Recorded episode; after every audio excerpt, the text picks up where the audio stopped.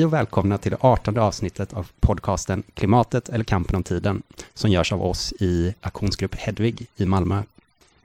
I veckans avsnitt så kommer vi att prata om Endegelände som ägde rum för några veckor sedan. Och vi har därför två stycken gäster med oss. Ehm, som vanligt så har vi Sigrid från AG Hedvig. Hej, hej. Och Edvard från, också känd från ett tidigare avsnitt av podden. Hej. Ja, precis. Hej. Tack. Detta är våran eh, Endegelände-expert. Just det. Mm. Ja. Ständigt eh, populär. Konsult. Um, I det här avsnittet tänker jag mig att vi gör så att vi, vi börjar att prata med Endegelände på ett eh, generellt plan och så avslutar vi med er eh, personliga berättelse. Låter mm. det rimligt? Absolut. Mm. På ett personligt plan så kan jag ju bara säga att jag har endast varit med på ett Endegelände och det var under sommaren förra året. Och om man jämför förra årets aktion med detta årets aktion så är det ju ganska stora eh, skillnader i förutsättningarna. Delvis förra året, sommar, härligt. Det var också, om man sätter det i en liksom, eh, politisk kontext, så 2019 då hade ju under våren den här kolkommissionen i, i Tyskland liksom eh, släppt sitt, eh, deras färdplan om eh, att eh, kol ska först utfasas till eh, 2038. Det var en ganska stor opinion i Tyskland. Man hade ganska mycket medvind i klimatrörelsen i och med liksom eh, Fridays for the Future, Fridays, Fridays for Future, som också hade den här jättestora demonstrationen i Aschen som sammanföll med samma helg. Så jag tänker, förutsättningarna var ju väldigt goda förra året. Mm. Vi, eh, totalt sett så deltog väl cirka 6 000. Vi hade sju stycken fingrar som alla mer eller mindre nådde något target, även om de inte nådde sitt tilltänkta, om jag inte minns fel. Mm. Det var ju, förra året var det centrerat kring Garzweiler-gruvan mm. um, i, i renområdet då. Och så kan vi då tänka, klipp till i år, det är höst. 15 grader och regn. 15 grader och regn. Vi har en pandemi, restriktioner liksom på, liksom som påverkar all den här eh, infrastrukturen som vi kanske är vana vid då, som eh, det här gemensamma campet, liksom att man kan ha de här eh, stora folksamlingarna och stora fingrarna som gemensamt rör sig mot, mot ett mål. Mm. Så det vi ska reda ut i det här avsnittet är väl helt enkelt hur det här har gått. Mm. Så vad, vad, är er spontana känsla över, om vi bara tar det lite kort, är, blev det som ni trodde? Alltså jag är väldigt glad att det överhuvudtaget blev av, eller det kändes som att ända in i det sista så var det osäkert om vi ens skulle kunna komma in i Tyskland eller komma tillbaka.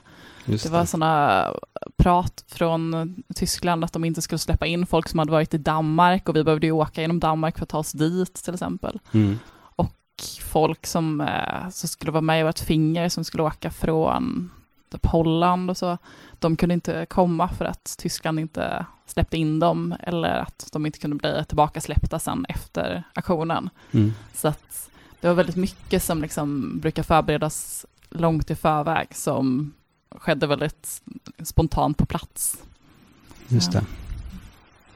Och totalt sett så har jag läst siffror så här i efterhand att det ändå blev en ganska stor sammanslutning, att det var eh, uppemot 3000 är den siffran jag har hört. Vilket visst är ju en halvering gentemot förra året, men det är ju fortfarande en eh, ansenlig mängd människor. Tidigare som sagt så har man ju haft det här stora campet och så vitt som jag förstod genom att läsa på innan aktionen, när vi pratade om det i senaste poddavsnittet till exempel, så skulle man ju ha de här eh, kontaktpunkterna om man tilldelades en plats. Funkade det där som... Eh, har, ni, har ni någonting att berätta om huruvida det funkade eller inte? Ja, jag har inte... Eller jag personligen har ju ingen aning om vad de andra fingrarna har sysslat med. Nej. I stort sett. Eller hela den tiden som vi befann oss på plats så var det som eh, man är lite i eh, man är lite i radioskugga mm. eh, får man uppfattningen av. Att man blir väldigt isolerad i sin egen bubbla liksom. Och eh, det mesta som eh, vi förberedde innan aktionen skedde på en en, ja, men en större lokal som fanns tillgänglig. Och det som jag tyckte var mest ovanligt var att det var ingen, vi hade ingen kontakt med poliser innan. Liksom. Det brukar mm. vara väldigt mycket ja, men poliser som eh, står vid lägren och mm. det brukar vara lite så halvparanoid stämning kring poliser. Um, och det märkte man inte av någonting nu och det var ganska skönt mm. mm. ändå tyckte jag. Vi gick runt och hade lite stadssemester där i några mm. dagar innan aktionen. Vill ni berätta vart ni var? Ja, vi var ju i Bonn. Bonn. Ja. Okej, så precis som eh, det var i förra sommaren så var vi, hela aktionen ägde ju rum i kring, vad säger man, renområdet. Mm. väldigt nära där det var då kring Gardsweilergruvan. Ja. Om man då pratar om coronastrategin överlag, hur förmedlades informationen kring den här eh, strategin på plats? Alltså, man är ju det... ganska van vid, eller mm. van och van, jag har varit med en gång, men jag säger ändå att jag är van. Eh, det var mm. en vangörande erfarenhet. Eh, men alltså då, intrycket av förra året var ju att man kom ner, man mm man fick tid att hitta affinity groups, man var med på olika plenum, man eh, hade aktionsträning. Eh, jag tänker allt det där måste ju mm. fungerat annorlunda. Och du säger att ni hade tid med en, eh, med en stadsvandring istället. Ja, nej men det, det, var ju, känslan var ju om man åkte ner att man var tvungen att ha sin affinity group färdig från början. Mm det fanns liksom inte möjlighet att mingla runt med nya människor, utan det var ganska mycket som att man umgicks på plats med dem man åkte dit med. Det var väldigt lite liksom, möten och så inför, eh, och de mötena som var skickade man delegater till. Mm. Nej men det var, det var nu var det, jag tror att skillnaden eh, för den enskilda aktivisten var nog, ja, som nämnt att man åkte nog dit med sin eh, vängrupp liksom, eh, som redan fanns mm. Eh, i stort sett. Och det gick ju såklart att prata ihop sig innan. Men det fanns inte samma möjlighet att hitta folk där eller på vägen dit eftersom vi inte tog några bussar som det sker ibland att man kan åka gemensam buss. Liksom. Mm. Och mötena skedde på, ja men det var något, det var något lite bökigt kring det liksom. Att det var så här, ja men möten kanske skulle äga rum inomhus. Och så var man lite ovan kanske som eh, utlänning med typ deras olika coronaregler mm. och så mm. skulle man ta på sig ansiktsmaskerna vid olika tillfällen. Det var väldigt mycket så, eh, man var inte helt bekväm med ansiktsmaskerna. Men det var också som att det var första gången vi någonsin fått möjlighet att eh, använda ansiktsmasker på Engelländer. För man brukar alltid ha, ha det med sig. Mm. Inför att gå ner i gruvorna liksom, ja. eh, som andningsskydd. Men nu var det första gången man faktiskt använde det och det hade ett, ett, ja, men ett mer praktiskt syfte. Vad härligt. Ja. Jag kan ju också säga att eh, innan man åkte ner så skaffade man ett eh, corona-id. Okej, okay, det var, var innan liksom, man åkte ner? Ja, så man liksom re registrerade sig på, en, eh, på deras hemsida. Och sen under möten och så som skedde, eller vid olika situationer där det var mycket folk samlade, så skrev man ner på olika listor vilka som hade varit tillsammans. Mm. Och det här finns nu liksom registrerat och om det skulle vara så att någon får corona så kommer de behöva meddela eh, detta till Ende Gelände och så kan man eh, logga in med sitt eh, corona-id och se om det finns risk att man är smittad liksom, eller har befunnit sig i närheten av någon. Och de rekommenderar också att alla som varit iväg ska liksom, isolera sig i två veckor och inte träffa några människor. Mm. Men vi kan meddela att vi sitter med socialt avstånd i den här studion. Ja, och det har gått två veckor också. Jaha, okej. Okay. Mm. Då, då tar jag tillbaka min brasklapp. eh, har ni kollat, er, ni har inte varit i någon eh, riskfylld situation då, eller? Jo, eller vi har, det har man alla, det har vi i några tillfällen liksom samlats in eh, de här eh, numren som för övrigt är liksom anonymiserade. Mm. Eh, för att systemet var liksom uppbyggt på så sätt att man inte skulle behöva identifiera sig på något sätt mm. i någon del av den processen. Just det. Men jo, jag har några gånger testat att knappa in liksom. Mm. Um, och inte fått upp något resultat att jag skulle ha varit i någon sån smittorisk. Liksom.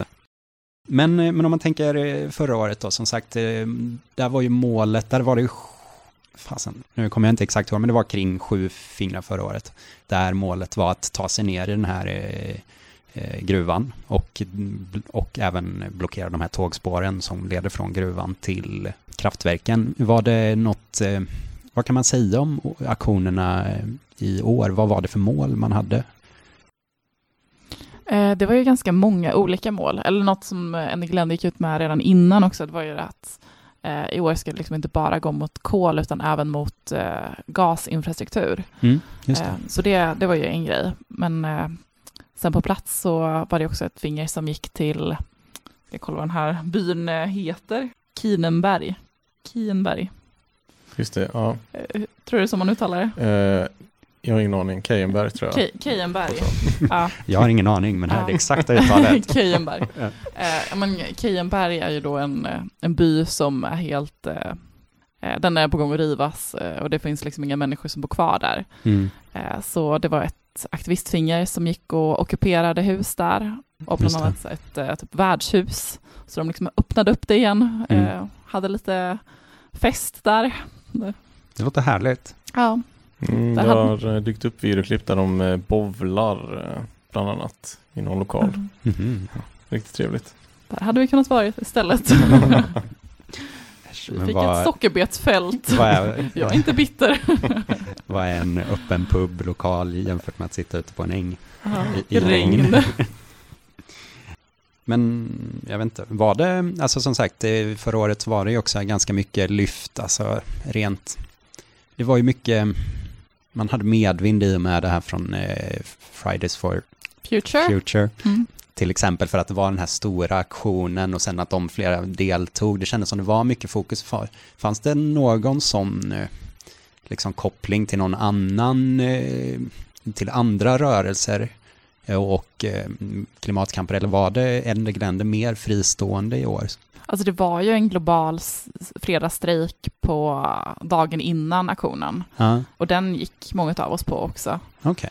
Men sen andra kamper som är kopplat till är ju också den, eh, det finns ju en ny skogsockupation i, i Tyskland. Just det. I Danny-skogen, jag vet inte hur man uttalar det. Mm. Jag vet faktiskt inte hur man uttalar det här gången. Okej. Men eh, så det var liksom i solidaritet med den skogen också där, där folk nu har börjat bli eh, liksom bortförda och häktade av polis. Mm. Så det finns ju flera liksom kamper starkt kopplade till den här aktionen också. Just det. Jag hörde också, eller jag läste på hemsidan någonting, det borde varit den skogen då som man blev eh, till vidare, eller vad ska man säga, vidare befordrad till av eh, de här kontaktpunkterna ifall de, när de fick slut på boenden att eh, tilldela, för då stod det på hemsidan att de hade blivit eh, rekommenderade att ta sig till den här ockupationen istället. Mm. mm. Jag vet inte hur många det kan ha lett till, liksom. det känns ju om, mm. om ett normalt år ska ge 6 000 och det var totalt sett 3 000 så borde det varit 3 000 personer där som var ute och vedlade i någon skog kanske. Men så, så kanske det inte funkade. Nej, jag tror det fanns ganska begränsat med boendeplatser på de olika campen. Mm. Ehm, de var då, väl väldigt strikta med att följa det, så vet jag förstått. Ja, eller? de var ganska nervösa där på, på torsdagen. Aktionen skedde ju på lördagen. Men redan på torsdagen så var många av campen redan fulla. Så då avrådde de fler människor från att komma. Mm.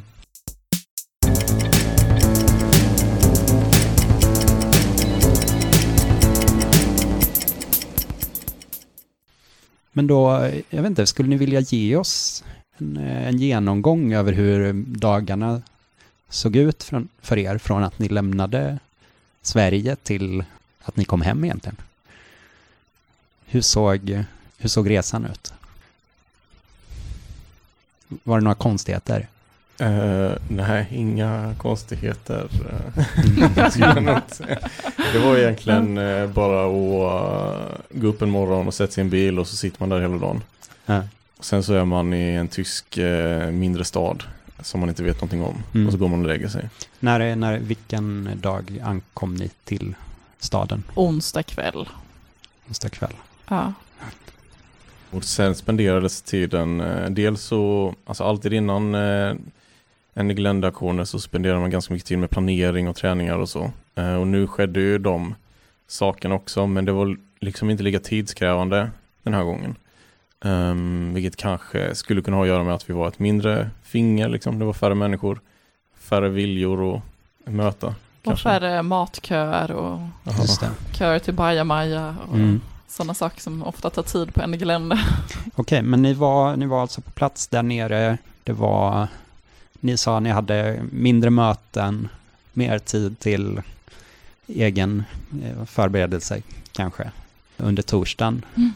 Vad... Och samma sak med fredagen, den dagen gick också ganska snabbt. Vi hade lite, lite träning vid tillfälle. Jag har, jag har en, en fråga då om man tänker just från auktionsträning. Det känns ju kanske som att eh, ett lite mindre finger, att, att jobba med det, hur, var det ingenting man behövde, som man övade på då liksom? Man tänker, det, det borde ju ge nya möjligheter, eller använder man, tog man chansen liksom att använda några nya strategier eller kanske ett byte det kanske inte fanns samma behov av de här jävla handrörelserna, ursäkta språket. Nej, alltså jag skulle säga att vi inte utnyttjade att vi var så få, så bra som man hade kunnat göra typ. Eh, alltså det var ju vid något tillfälle som vi hade kunnat vara mycket mer flexibla än vad vi var, men mm. vi hade liksom inte tränat in eh, ja, men typ att så här, snabbt vika av och springa åt sidan till exempel. Mm. Utan vi var ganska fast i att röra oss så som vi brukar göra när vi mm. ett ganska stort finger som är liksom lite klumpig att mm. röra oss framåt. Um. Jag tänkte, jag vet inte om vi har sagt det här än, vi, vi har ju sagt att vi, det var cirka 3000 eh, deltagare under aktionen, men hur många fingrar var det? Vet vi det? 15 eller 16 beroende på hur man räknar. Okay. Eh, det var liksom ett finger som blev, eller två fingrar som blev ihopslagna typ direkt. Mm. Uh. Just det, så det borde ge mm. ungefär 100, 200 personer per finger då. Och stämmer det ungefär överens med er erfarenhet? Ja, vi var nog färre än så. Okay. Men eh, jag tror att mål, eh, målet var ungefär 300 mm. varje finger, så det var nog lite olika mm. på så sätt. Jag kan tycka att vi ändå till viss del lyckades, eller kunde utnyttja att vi var så få, men det var nog en automatisk effekt typ mer att eh, vi kunde åka, hoppa av och på tåg och röra oss i kollektivtrafiken på ett smidigare sätt än mm. man kanske kan göra när man är tusen personer. Just det. Um, men det, ja. Men det var ingenting planerat utifrån er strategi så, utan det var bara en, en smidighet som märktes på vägen snarare då kanske? Vi, ja kanske. Vi rörde oss också genom typ några skogar där det var så ganska smala skogsvägar där man gick en och en. Mm. Det hade ju aldrig funkat om man hade varit fler. Och det Nej. var ju någonting som var planerat från början, men ingenting som eh, alla kände till innan, liksom, som vi hade tränat på, utan det skedde där på plats. Mm. Just det. Okej, okay, men om vi, om vi återgår till eh, berättelsen då. Så auktionsdagen, den börjar alltså sen på lördagen?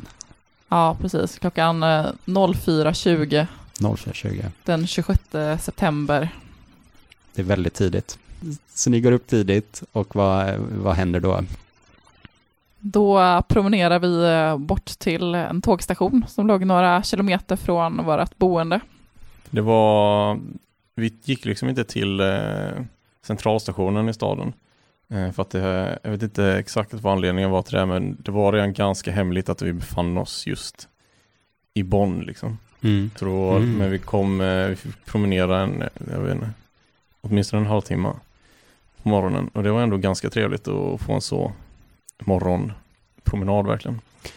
Sen så blev vi uppmärksammade där ändå, men det var ingenting som var ett problem. Liksom. Att, på vilket sätt blev ni uppmärksammade? Ja, men att det stannade till en polispatrull som tyckte att det var jättekonstigt kanske att hundra personer stod på en tåg perrong liksom mitt mm. i, klockan var fem typ. Mm. Med väskor och... Var det några ja. tysktalande i ert del av fingret? Ja, några fingret? var det. Ja. Mm. Men vi var ju det internationella fingret, så ja. det var ju många från andra ställen också. Ja. Kunde inte säga att det var en scoutresa eller någonting? eller vad, vad drar man till med? Nej, vi, jag tror inte ens att vi var i kontakt med de poliserna. Det var liksom okay. bara en patrull som stod och tittade på håll och ja, mm. det var rätt lugnt liksom. Mm. Så från den här tågstationen rör ni er sedan smidigt i, i tåget då? Eh, ja, vi tar oss väl med tåget då tio minuter eller någonting innan vi blir stoppade. Mm. Um, Hur, på vilket sätt? De uh, skyllde på att vi inte hade biljetter mm. uh, och sa att de inte kommer köra vidare om vi inte köper tågbiljetter. Hade ni biljetter? Nej. Nej, okej. Okay. men det är en viktig detalj. um, men sen så började det gå runt någon tågkonduktör i tåget mm. och sälja biljetter. Mm. Lyckades sälja på oss en biljett. det var lite tråkigt. Vi var nog de enda som betalade tror jag så fullpris för någon sorts gruppbiljett. Så att vi var först, eh, satt längst fram liksom. Uh. I första klass. det var en fördel kanske. Uh. Men det var ju, det var också lite ett resultat av, eh, alltså när vi blev stannade så var det också polisen som ville stanna tåget. Mm. Och eh, varje gång något sånt händer så blir det lite, ja men en förhandlingssituation och så kommer det, dyker upp några poliskontakter som har liksom som uppgift att prata med polisen eh, så att ja, men inga andra aktivister behöver mm. eh, fixa den biten. Eh, och efter det så var, sa de att ja, ni får köra, ni kommer få åka vidare men ni måste köpa biljett. Okay. Eh, och sen så åkte vi jag vet inte, en kvart till och så hade två grupper kanske köpt biljetter. Mm. Det var väldigt mycket språkförbistringar i, där. Ja. Men, eh, men ni kom iväg efter några dyra gruppbiljetterna. Alltså då hade tåget också blivit så försenat så att det typ ställdes in när vi kom till Köln och skulle inte gå vidare. Så att där föll redan våran eh, plan A som vi hade för fingret. Mm. Och fick ge oss in på plan B eh, och ta ett annat tåg åt ett annat håll. Mm. Ja, sen höll vi på att byta lite tåg ett tag. Men, ja. ni, men ni visste vart ni var på väg? Mer mm. eller mindre? Nej. Nej, det beror på vilken, alltså vart man befinner sig lite i organisationsstrukturen och så. Mm. Och det, de flesta deltagarna behöver inte veta exakt vart man ska. Nej. Så vår uppgift är bara mest att lite grann göra som man blir tillsagd. Just det. Gnata på en. Ja, så vi hamnade liksom på ett ställe och så blev vi eh, dirigerade åt ett håll. Och eh, då efter det som vi traskade igenom den här skogen. Mm. Mm. Men kan man säga generellt ungefär vart ni var i, i regionen då? Alltså nära Garzweiler. Okej. Okay. Ja. Mm, vi var en liten bit öst om eh, själva gruvan tror jag. Mm. Vårt mål var egentligen en, eh, någon sorts station som tillhörde gruvan. Mm. Men som inte var ex, alltså mitt i gruvan. Så att det var dit som var våran, det var våran plan B då. Som sen gick i stöpet, men vi kanske kommer mm. dit. Ja, för nu, nu har ni alltså bollats omkring på lite tåg mm. i, i, regionen. Det har inte riktigt gått som ni hade tänkt på grund av förseningar och men någonstans så slutar väl den här resan med kollektivtrafik antar jag? Ja, vi hoppar av en station och springer upp genom några små skogar eller går på liksom smala mm. skogsstigar. Mm. På väg mot de här, alltså vad säger man, conveyor belts? Det är transportband eh, kanske man ska säga. Ja. Ja. Okej, okay, de som för kolet från gruvan ner till eh, tågen. tågen. Okej, så ni närmar er liksom gruvan för att komma Blockera. åt dem? Mm. Mm. Exakt. Det här var kanske vid, klockan var tio någonting ungefär. Så då hade vi åkt tåg och suttit på marken och på olika ställen. Mm. Eh, så fick vi äntligen röra lite på oss. Och det var ju rätt, eh, jag tyckte det var rätt spännande att eh, traska igenom den här skogen. Det kändes mycket mer som ett så, man kände sig mer som ett, ett, ett hemligt förband typ. Um, Lever ut lite pojkdrömmar. ja, precis. Ja. Uh, och sen så var egentligen uh, meningen att vi skulle gå längs med en massa olika fält och åkrar uh, för att ta oss till, uh, till den här conveyor belt platsen. Och det var ganska tidigt tror jag som vi träffade på polisen då. De var ganska förberedda på att vi var där för att vi hade också sett Eh, att det var patruller ute från eh, RWE som är eh, alltså gruvbolaget. Yes. Så de patrullerar ganska mycket i de områdena men de, de interagerar ju inte med, med aktivisterna oftast utan kollar bara om det är folk på rälsarna eller om det händer saker. Liksom. Mm. Så att där blev vi upptäckta en bit i förväg och där tror jag att vi ganska mycket blev att polisen redan hade förberett sig när vi var i närheten av den här platsen vi skulle till. Just det. Men den här mm. platsen, mm. alltså om det är conveyor-systemen, de, de, är väl ofta mitt inne i gruvan, liksom från den här eh, grävmaskinerna eh, mot, eller liksom för att ta materialet från grävmaskinerna till, till tågstationen. Så jag fattar inte riktigt var, vart i den här kedjan var det ni ville, som var er Alltså target, det var ju alldeles det var ju långt bort från själva gruvan, ah, eller långt bort är väl så. Ja. Men eh, det var väl snarare där man lastade på tågen i så fall. Okay. Ja, men eh, ska vi inte berätta om polishästarna nu? kan inte du göra det? ja, okej okay, alltså det är ju Ende Gländes, eh, eh, de stora fördelarna med eh, strategin generellt Ende Glände är att man är eh, många personer på ganska öppna ytor så mm. att man kan, man behöver inte gå så trångt, man behöver inte röra sig på gator, mm. utan man kan sprida ut sig väldigt mycket. Och lite så försökte vi också agera nu, vilket gick bra de första gångerna som vi träffade på poliser, vilket var i form av om en hästpatruller egentligen som, var, som vi liksom stötte på på avstånd eh, när vi tågade över ett morotsfält. Mm. Som eh, det var en väldigt blöt historia, det var verkligen eh, hemskt tyckte jag. jag ja, det, alltså det var oändligt det där fältet. Mm. Så bara vill man ju inte förstöra några morötter så vill man mm. balansera liksom, mellan de här mm. Det var liksom så här ler, vad heter det? De, Kupat liksom. På något där sätt. plogarna mm. har gått ja, och precis. dratt upp vallar liksom. Så var det liksom lite så här gegga emellan, så var det liksom så här halkigt, mm. så skulle man liksom balansera mellan morötterna och det var... Just det. Ja. Och sen kom polis. Ja. precis. Där gick det ganska bra liksom att vi eh, kom eh, förbi polisen. Eh, också för att polisen Polisens hästar betedde sig väldigt underligt. Jag har aldrig riktigt sett hästar bete sig så panikartat. Mm -hmm. Men är det faktiskt. på grund av underlaget då? Att de... Um, eller det känns... Ja, det var lite... Eh, dels så var det att folk gjorde ljud eh, och försökte skrämma upp hästarna, eh, mm. kan jag tänka mig. Men också att de inte såg ut att tycka om varandra så mycket. Det var några hästar som eh, såg ut att eh, knuffas lite med varandra. Mm. Och allt det här resulterade i att en, eh, häst, en av hästarna slängde av sin ryttare. Vilket var bra för oss, för det blev en öppning eftersom polishästarna var tvungna att försvinna iväg och fånga in den här eh, plötsligt fria hästen som inte visste att den skulle ta vägen. Ja, mm. den, var väldigt, den såg väldigt förvirrad ut. Ja. Det var ett, ett kort lyckligt ögonblick. Ja. ja. det var väldigt spännande. Jag önskar att den här eh, scenen fanns på film. Den, den finns i alla fall i, I, i mitt minne. Ja, den kommer spelas på repeat.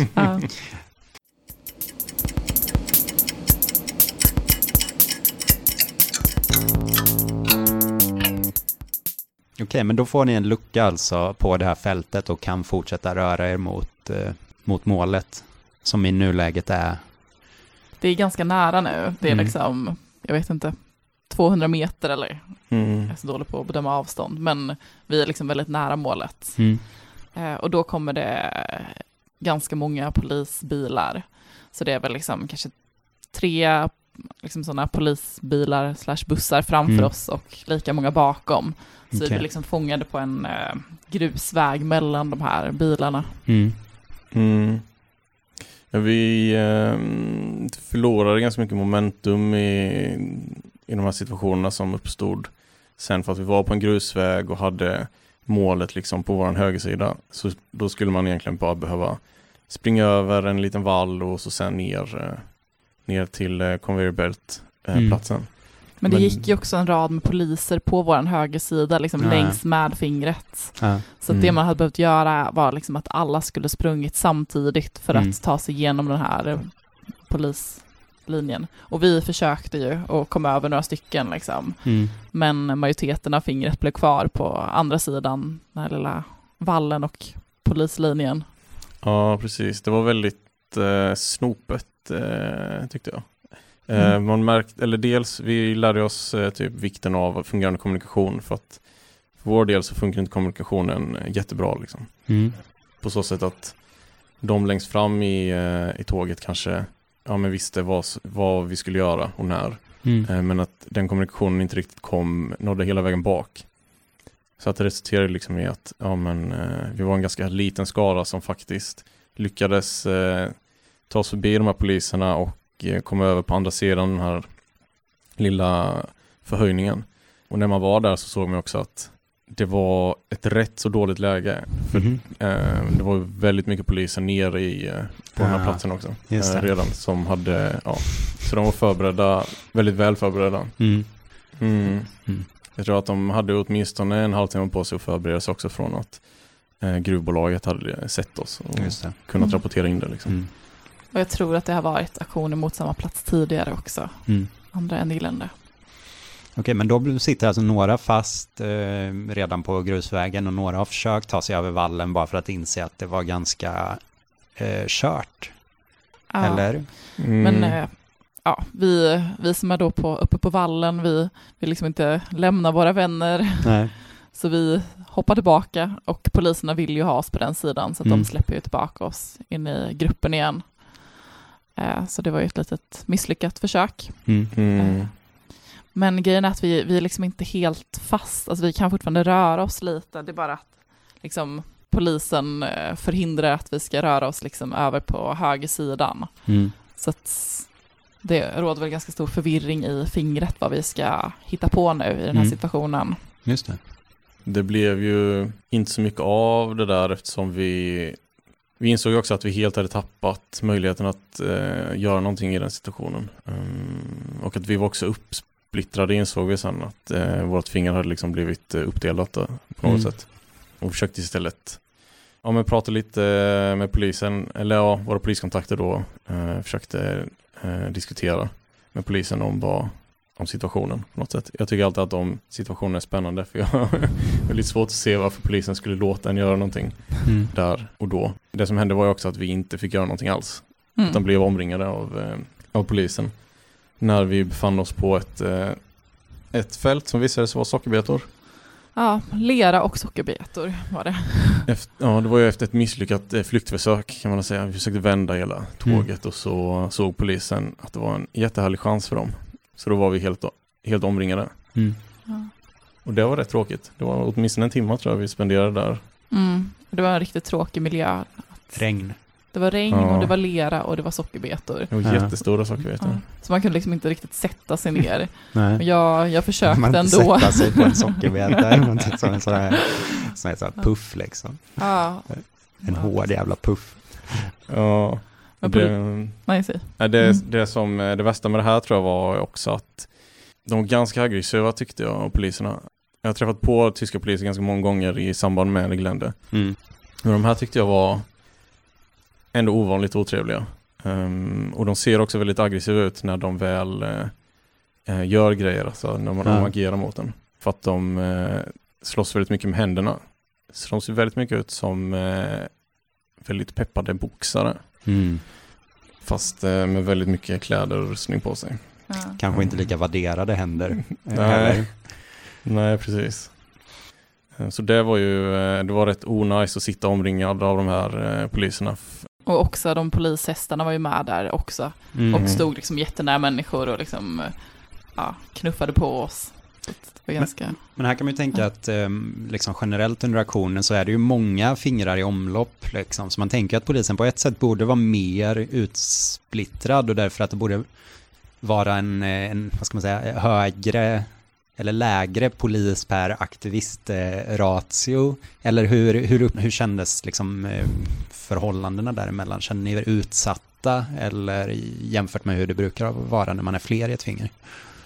Jag kände mig nog mer utsatt. Mm. Det kändes som att poliserna var ungefär lika många som oss i antal. Mm. Även så... om det kanske inte är sant så var min upplevelse så. Mm. Men jag tror att det stämmer lite grann att polisen var, det var färre poliser på varje plats mm. på, på något sätt. Mm. Ehm, eftersom det var fler platser som de behövde åka till. Och i efterhand så har man också kunnat se att eh, det har rapporterats fler fall än vad jag åtminstone tycker är normalt eh, vid de här aktionerna av ja, men, övervåld eller att polisen har gett sig in med eh, fysiskt våld eller pepparspray eller liknande mm. eh, mot fingrarna. Och det tror jag kan också vara ett resultat av att det helt enkelt var många fler, eh, ja, men många fler platser de agerade på. Jag och att de var lite, att det är lite grann osäkra kanske. Ja, också att för våran del att vi hade liksom inte så mycket media per finger som det brukar vara. Just det. Som en ganska stor trygghet i de här aktionerna. Att mm. veta att det är någon som dokumenterar när det sker massa polismisshandel. Var det någon eh, media överhuvudtaget i närheten av eh, Alltså vi hade några kameror i närheten. Eller vi okay. hade i alla fall en fotograf med när det värsta polisvåldet i vårat finger skedde. Mm. Um, mm. Vill ni beskriva det? Den situationen, ja, den, mm. Det är ju så här skedde... kronologiskt. Eh, ja, okay. så det passar ju bra. Nej men eh, det var i den situationen när vi hade blivit eh, säckade av polisen. Så eh, helt plötsligt så liksom märker man att poliserna har någonting på gång och så bara tågar de in i den här ringen av aktivister och drar ut två stycken aktivister ut ur ringen med väldigt mycket våld. Och det är två personer som de tror att är typ ledarna för hela fingret. Just det. Det här är liksom personer som har kanske gestikulerat ganska mycket eller liksom varit lite synliga på olika sätt för polisen. Ja. Och vad, vad, hur behandlas de? De dras ut? De dras ut och blir nedbrottade i leran. Ja. Och sen blir de bortförda. Men det är liksom ganska illa våld innan dess liksom. Mm. Ja, det var, jag tror att eh, en av personerna hade en ryggsäck på sig som faktiskt var helt, eh, de hade slitit loss rem, remmarna tror jag helt på den ryggsäcken. Mm. Eh, så att det var ändå, de hade slitit ganska hårt i, i dem. Mm. Och det var också, det blev väldigt stressigt för människor på plats för att man förstår inte riktigt vad som händer och så. Men sen så, de, jag tror att de, det gick förhållandevis bra ändå för dem sen. Förutom då att eh, de blir misstänkta för eh, våld mot tjänsteman för att då polisen menar att de orsakade att den här hästen kastade av sin ryttare. Så mm. ett, ett, ett, speciellt brott som har begåtts här. Ja. Man har ju dragit en polis i smutsen, ja. bokstavligt talat. Det måste vara riktigt eh, pinsamt för den polisen ändå. Ja, ja. Jo, hon satt och skämdes. Ja. Hästen var ju helt panikartad. Men det var väl att inget brott hade begåtts av oss och de var tvungna att ha någon grund att, eh, för att få ta de här mm. personerna. Mm. Liksom. Eh, men eh, fördelen för oss när de här personerna var plockade var ju att polisen trodde att de hade tagit eh, våra ledare. Mm. Så då var de lite mer chill med att släppa iväg oss. Okay. Så vi, de sa att vi fick gå till tågstationen och åka hem. Direkt mm. efter att ingripandet för att plocka de här två personerna alltså? Ganska snabbt sätt, efter. Ja. Mm, det var liksom, vi behövde vänta ganska kort tid. Ja. Mm. Och sen så skulle de leda oss en liten bit. Så det var ju, det ju, säger någonting om strukturen också att eftersom det är ganska de decentraliserat så spelar det kanske inte så mycket roll för den kollektiva, kollektiva agerandet att några stycken blir plockade liksom. Mm. Eftersom vi också lyckades lura polisen eh, direkt i stort sett.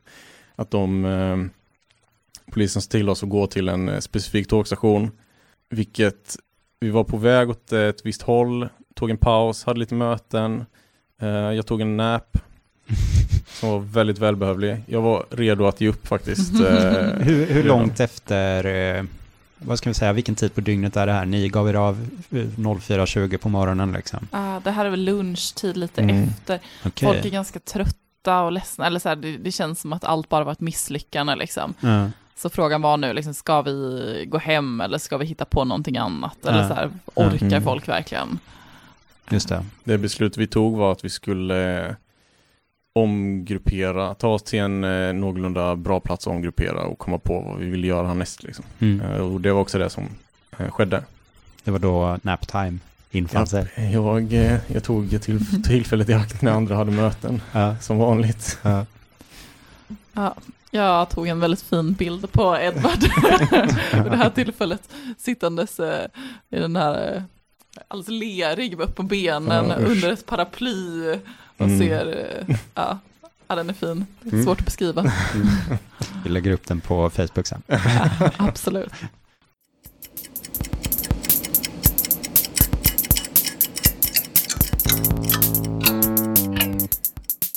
En anledning till att polisen liksom släppte fram oss där var ju att det var så många andra fingrar som mm. aldrig kom fram till sina mål heller. Att de satt och uppehöll massa poliser på olika håll och kanter.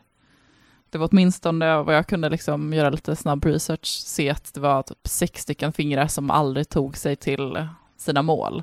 Men att ja, men ett av fingrarna stod det att de höll liksom 27 polisbussar till exempel. Okay. Um, ehm, och det var också ja, men ett finger, det, det gröna fingret som var det antikoloniala fingret. Mm. Eh, de tog sig inte heller till sitt mål, men de fick liksom utstå jättemycket typ, polisvåld och så på vägen. Mm. Och eh, på grund av det så arrangerades det på kvällen en demonstration också. okay. eh, av det av gröna fingret och bronsfingret tillsammans. Mm. Så jag tänker att det hände liksom väldigt mycket den dagen. Ja, man tänker ju lite så när man eh, sitter i skiten typ och eh, är säckad av polisen så får man försöka tänka positiva tankar som är, ja ja men vi uppehåller i alla fall en massa poliser mm. från att vara på någon annan plats typ. Och det är liksom, man försöker hitta de små segrarna. Okej, men då efter de här mötena så tar ni något slags beslut? Eller? Ja, vi beslutar att vi vill gå bort till en uh, järnvägsspår mm. och försöka blockera där. Det var bara ett, ett närliggande järnvägsspår. Det låg i anslutning till ett kolkraftverk, ja. äh, tror jag. Mm. Så det var, ganska, det var ganska nära ett av kraftverken. Men det var verkligen, det var en improviserad plan C verkligen. Så vi var ganska mycket ute på testade eh, och göra vad som helst. Mm.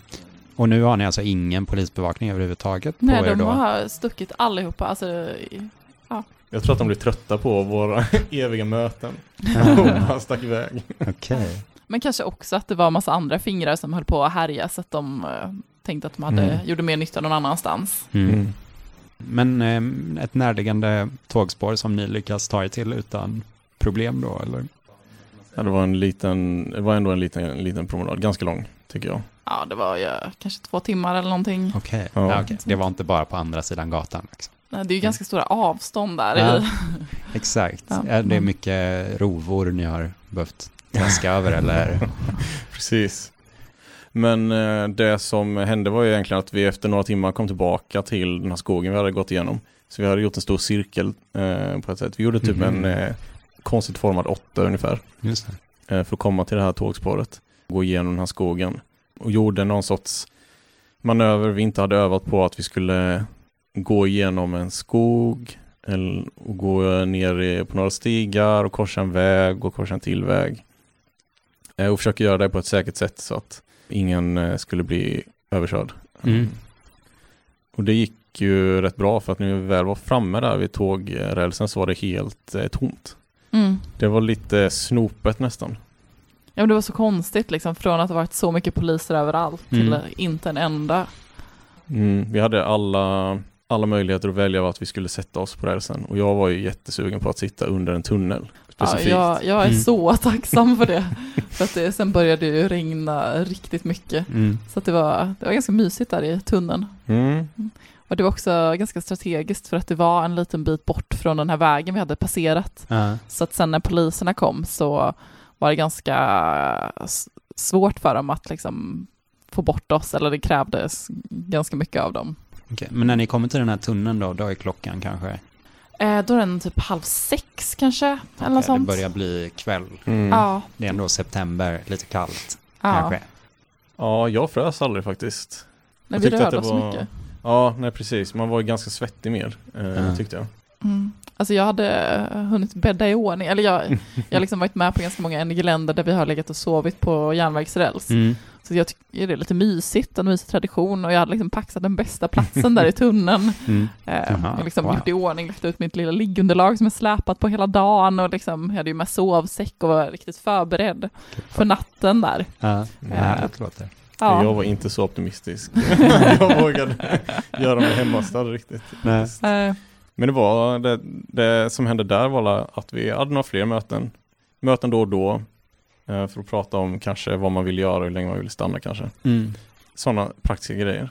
Och jag vet inte hur länge vi var där egentligen innan polisen började forsla bort oss. Typ två timmar. Men hur, hur, jag har tänkt på det här när man blockerar tågspår. Vad, vad är det som hindrar tåg från att komma och meja ner en?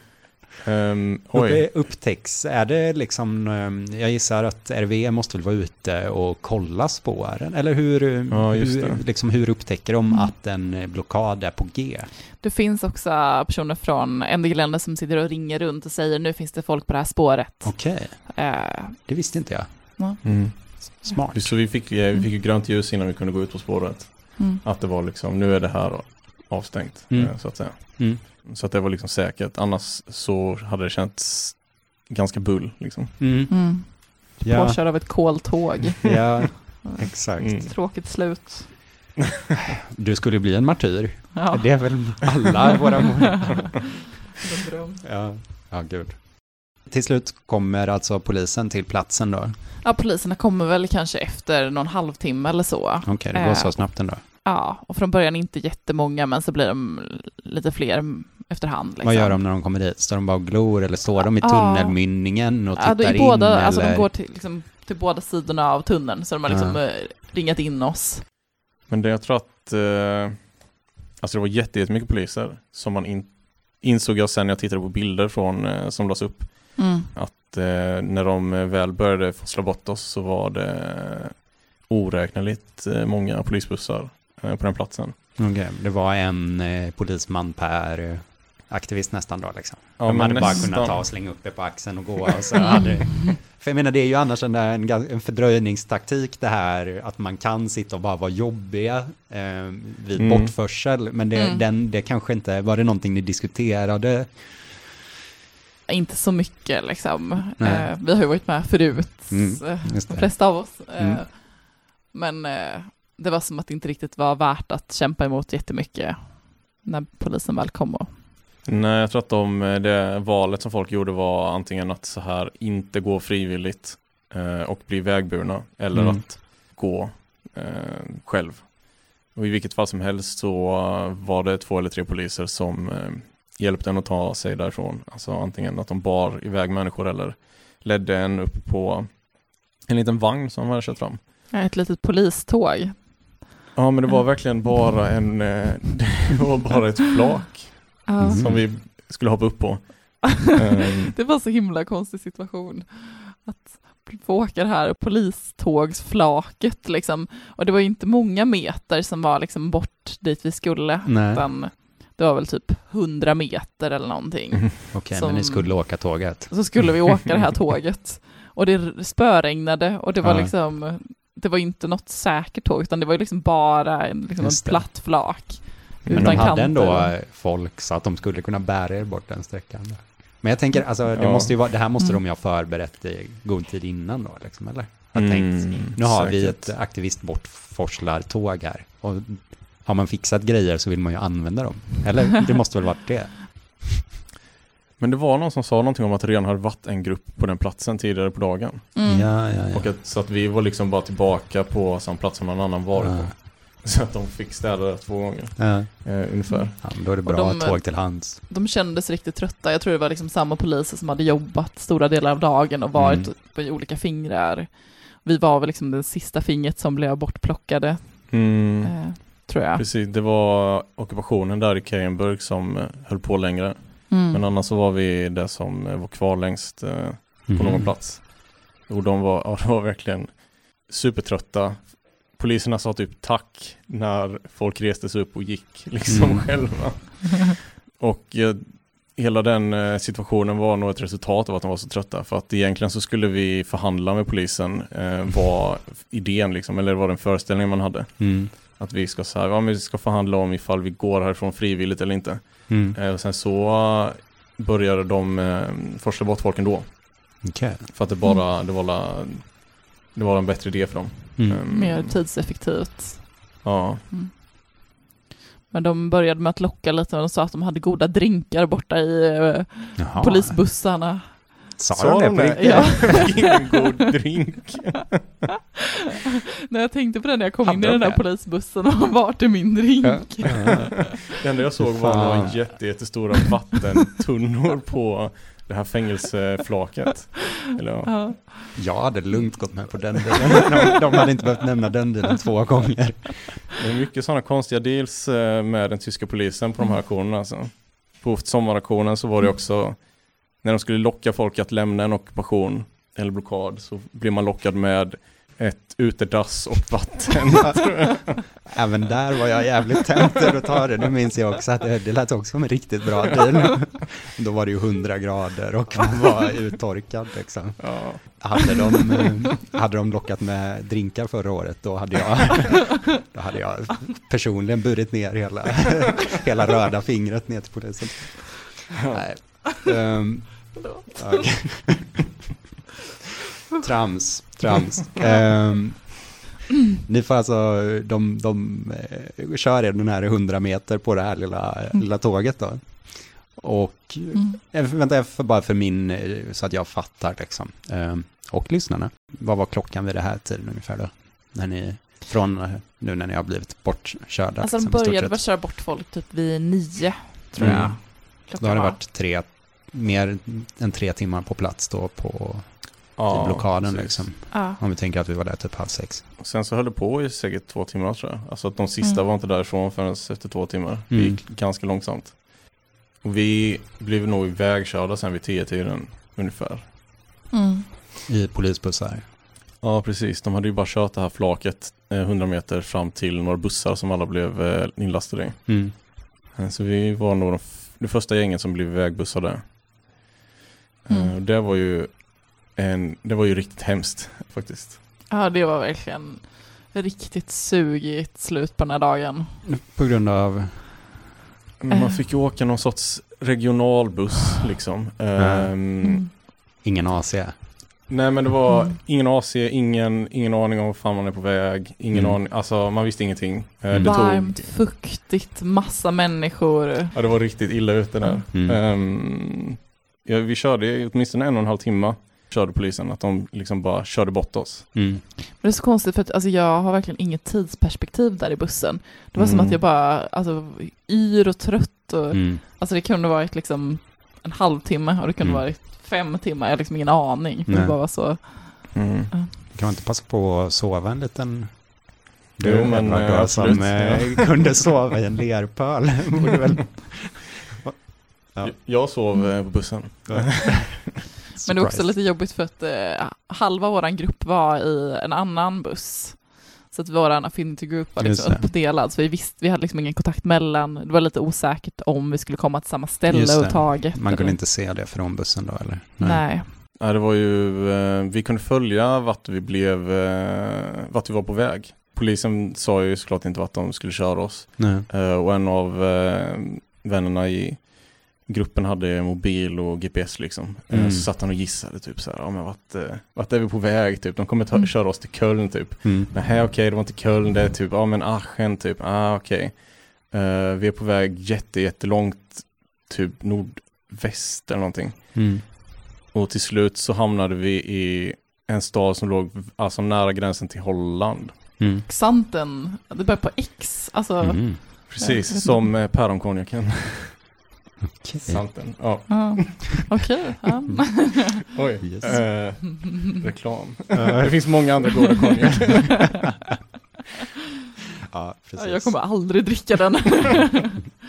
I den här podden så dricker vi bara egenproducerat. Fan, äh, vilket skitställe det var, Santen. Mm. På natten mellan en lördag och en söndag. Det är liksom riktig pisshåla och mm. Men då är ni liksom... där mitt eh, kring midnatt eller ja. efter midnatt egentligen? Ja, strax. Mm, vi var nog framme typ vid midnatt. Mm. I någon liten håla och då kastar de av er från bussen och... Släpper av oss vid en tågstation. Ah, ja, ja. Det var ju eh, snällt. Ja, väldigt schysst. Nästa tåg skulle gå då typ 40 minuter senare mm. och ta fyra timmar att ta sig mm. tillbaka. Ja, men det är väl, om det är två timmar liksom, det är ju typ som att bli uppbussad till eh, Varberg. Alltså, eller är det inte något sånt? Jag tänker om i Malmö-kontext. Malmö-kontext. Ja. jo men precis, det är ju som att Ja, vi sa det att om man hade gjort en grej i Göteborg och blivit bussad liksom till Jönköping. Ja. så ska man ta sig hem därifrån. Eh, fast bara det att det inte finns några förbindelser så det tar fyra timmar att ta sig från Jönköping till Precis, Göteborg. det är inte Jönköping, det är typ eh, Anderstorp. Precis. Men. Och där, eh, de, eh, dess fördelen med det här stället var att det fanns en pub vid eh, stationen. Eh, som också var det enda som var öppet så folk kunde ta skydd från regnet. För det regnade mm. också, så att, såklart. Eh, så att sög extra mycket. Mm.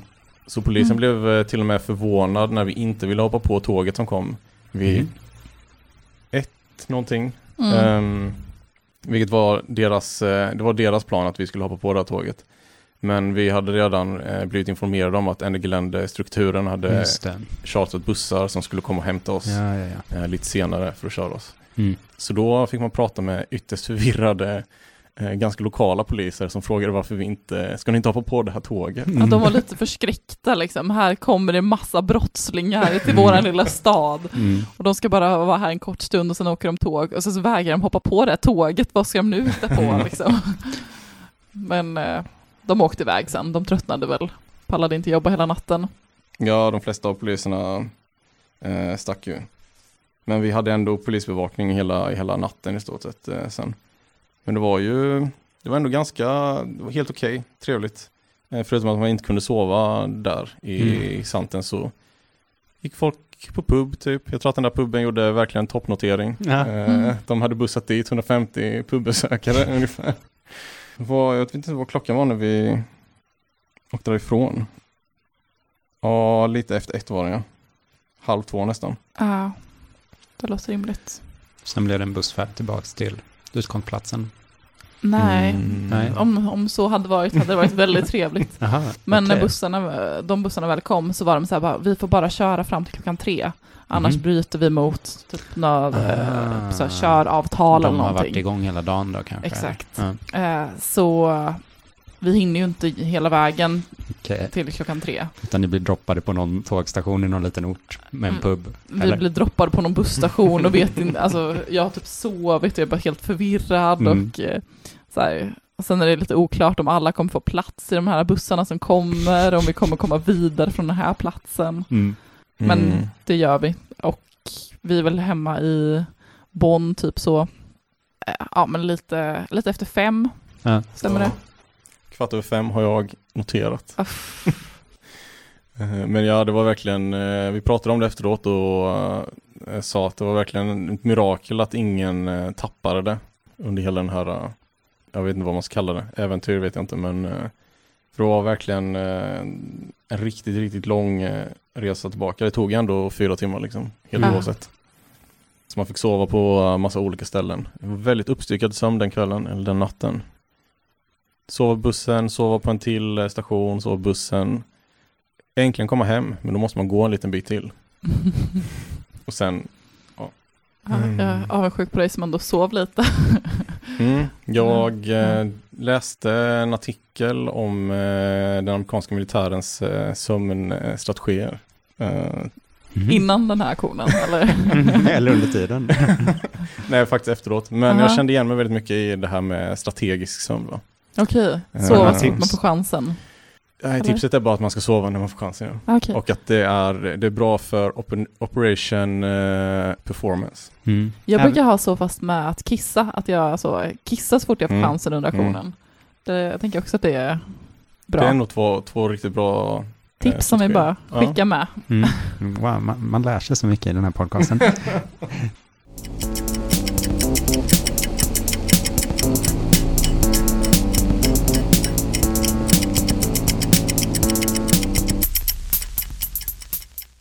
Okej, okay, men då, då är vi i mål alltså. Mm. Men om man eh, tänker rent eh, generellt, liksom, vad, är, vad är er, vad är er um, tanke kring årets upplaga av Ennegelände? Var det, var det lyckat, tycker ni? Trots, gen, eller funkade det att genomdriva den här typen av aktion trots eh, alla eh, restriktioner och alla omorganisering som ändå krävdes? Och hur mm. funkar det med de här mindre fingrarna liksom, överlag då?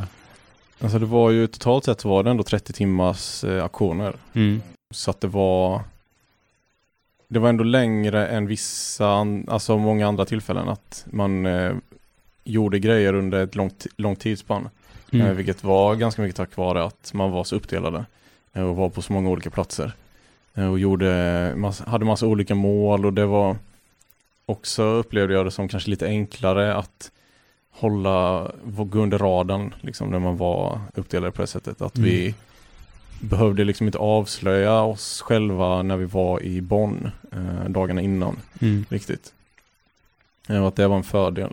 Så att det fanns verkligen fördelar med att vara så många olika fingrar. Enda nackdelen, man, eller inte enda nackdelen, men en av de större nackdelarna är att det kräver mer. Det kräver verkligen att man har en bra organisationsstruktur och att mm. folk vet hur man styr upp de här uh, fingrarna och uh, strukturerna. Och nu uh, gick ju det liksom för att det är erfarna människor som mm. kunde de delarna. Jag tycker verkligen det känns som en superlyckad aktion och som att liksom, organisationen har lärt sig väldigt mycket av det också.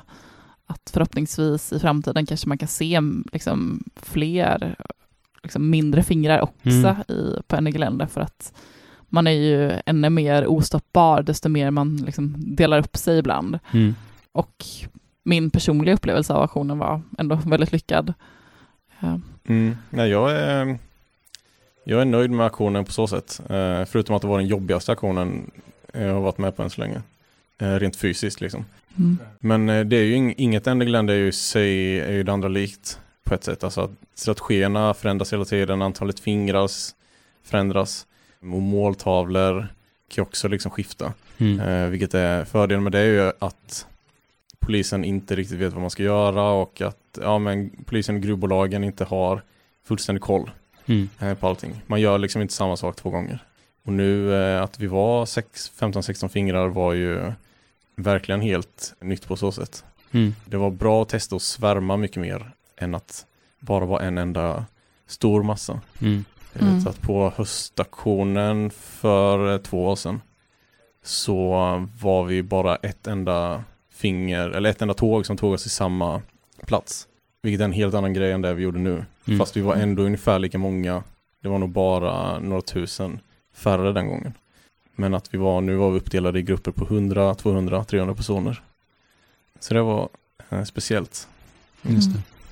Jag tycker också det känns väldigt viktigt att typ inte låta corona stoppa all typ av liksom, aktivism och så, att det är mm. jätteviktigt att man fortfarande genomför den här typen av aktioner. Och jag tycker mm. Andy ändå styrde upp det jättebra, att det kändes ändå som att de verkligen gjorde sitt yttersta för att det skulle vara liksom, en bra miljö och så lite smittspridning som möjligt. Mm. Jag vet inte vad ni eh, tycker, men, eller om ni har några tankar om det, men jag tänker Andy Glenn har ändå pågått i några år. Det har ju varit olika liksom, måltavlor, men det är ju ganska, det börjar ju nästan bli en, en eh, ritual i sig. Liksom. Hur, hur länge tror ni man kan hålla på med den här, det här formatet? Liksom? Hur länge till är det, kan det vara en verksam aktionsform, en verksam kampanj, liksom, innan det bara blir jag tänker, om jag tänker om, om syftet är att uppnå någon slags mediaexponering och sånt så kan man inte göra samma sak igen för till slut är det inte nyheter, till slut är det återkommande, bara ett återkommande event. Eller vad, vad tror ni om det? Jag tänker att NGLN förändras så mycket hela tiden också.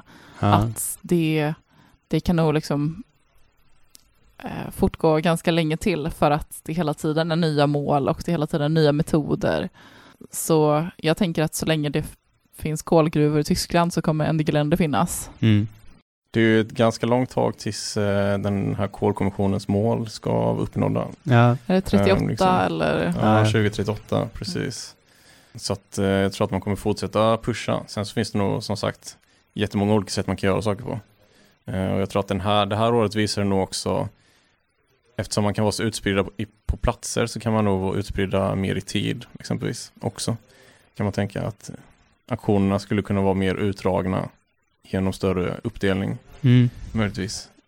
Vilket kan behövas, alltså att man på något sätt trappar upp på något sätt att vi måste faktiskt göra så att de här uh, kolkraftverken måste lägga ner, uh, lägga ner verksamheten. Mm. Liksom. Uh, och då krävs det att man har en aktion ganska länge. Nej, men jag har tänkt på det också att det känns ju om de här mindre fingrarna funkar så skulle man ju kunna tänka sig att det inte Alltså risken med att, in, att ha mindre fingrar över en längre tid är ju att det inte blir den här samlande anonyma massan som man ändå finner stor trygghet i. Men om, nu märkte vi ju då eh, enligt er att det var en upplevd högre repressionsgrad. Liksom. Men eh, det ska ju bli intressant om man får reda på nu i efterhand om det är en högre grad av också liksom, att folk blir lagförda, eller aktivister blir lagförda. Men om de inte blir det så skulle man ju också kunna se det som ett tecken på att man skulle kunna ändra upplägget på Endergländer till att bli en mer långsiktig kampmetod kanske. Mm. Eller? Ja, självklart. Samtidigt som jag tänker att det är jätteviktigt med de här större samlingarna av människor för att just känna det här att man är många tillsammans som mm. gör någonting och att det är så mycket en aktivistskola Mm. Jag tänker liksom svenska miljörörelsen så har ju lärt sig jättemycket av uh, tyskarna och Ende Gelände. Mm. Det är svårt att se vad som riktigt skulle kunna liksom ersätta den typen av organisering. Nej. Det är ja. kanske viktigare i så fall att komplettera den med någonting annat snarare än att ersätta den. Ja, jag tänker det. Mm. Mm. Ja, en glädje är lite som eh, att vara på ett träningsläger på ett sätt. Man tar med sig lärdomar och koncept och idéer liksom. Um, så det som man kan uh, hoppas att en glädje faktiskt kan resultera i, förutom då alltså praktiska resultat, är ju att man multiplicerar uh, effekterna och att uh, aktionsformatet eller bara aktionen i sig liksom sprider sig. Mm. Och att folk agerar mer i sina egna länder. Vilket vi redan har sett i Sverige att, att folk har kunnat göra. Mm. Eh, med fossilgasfrågan exempelvis.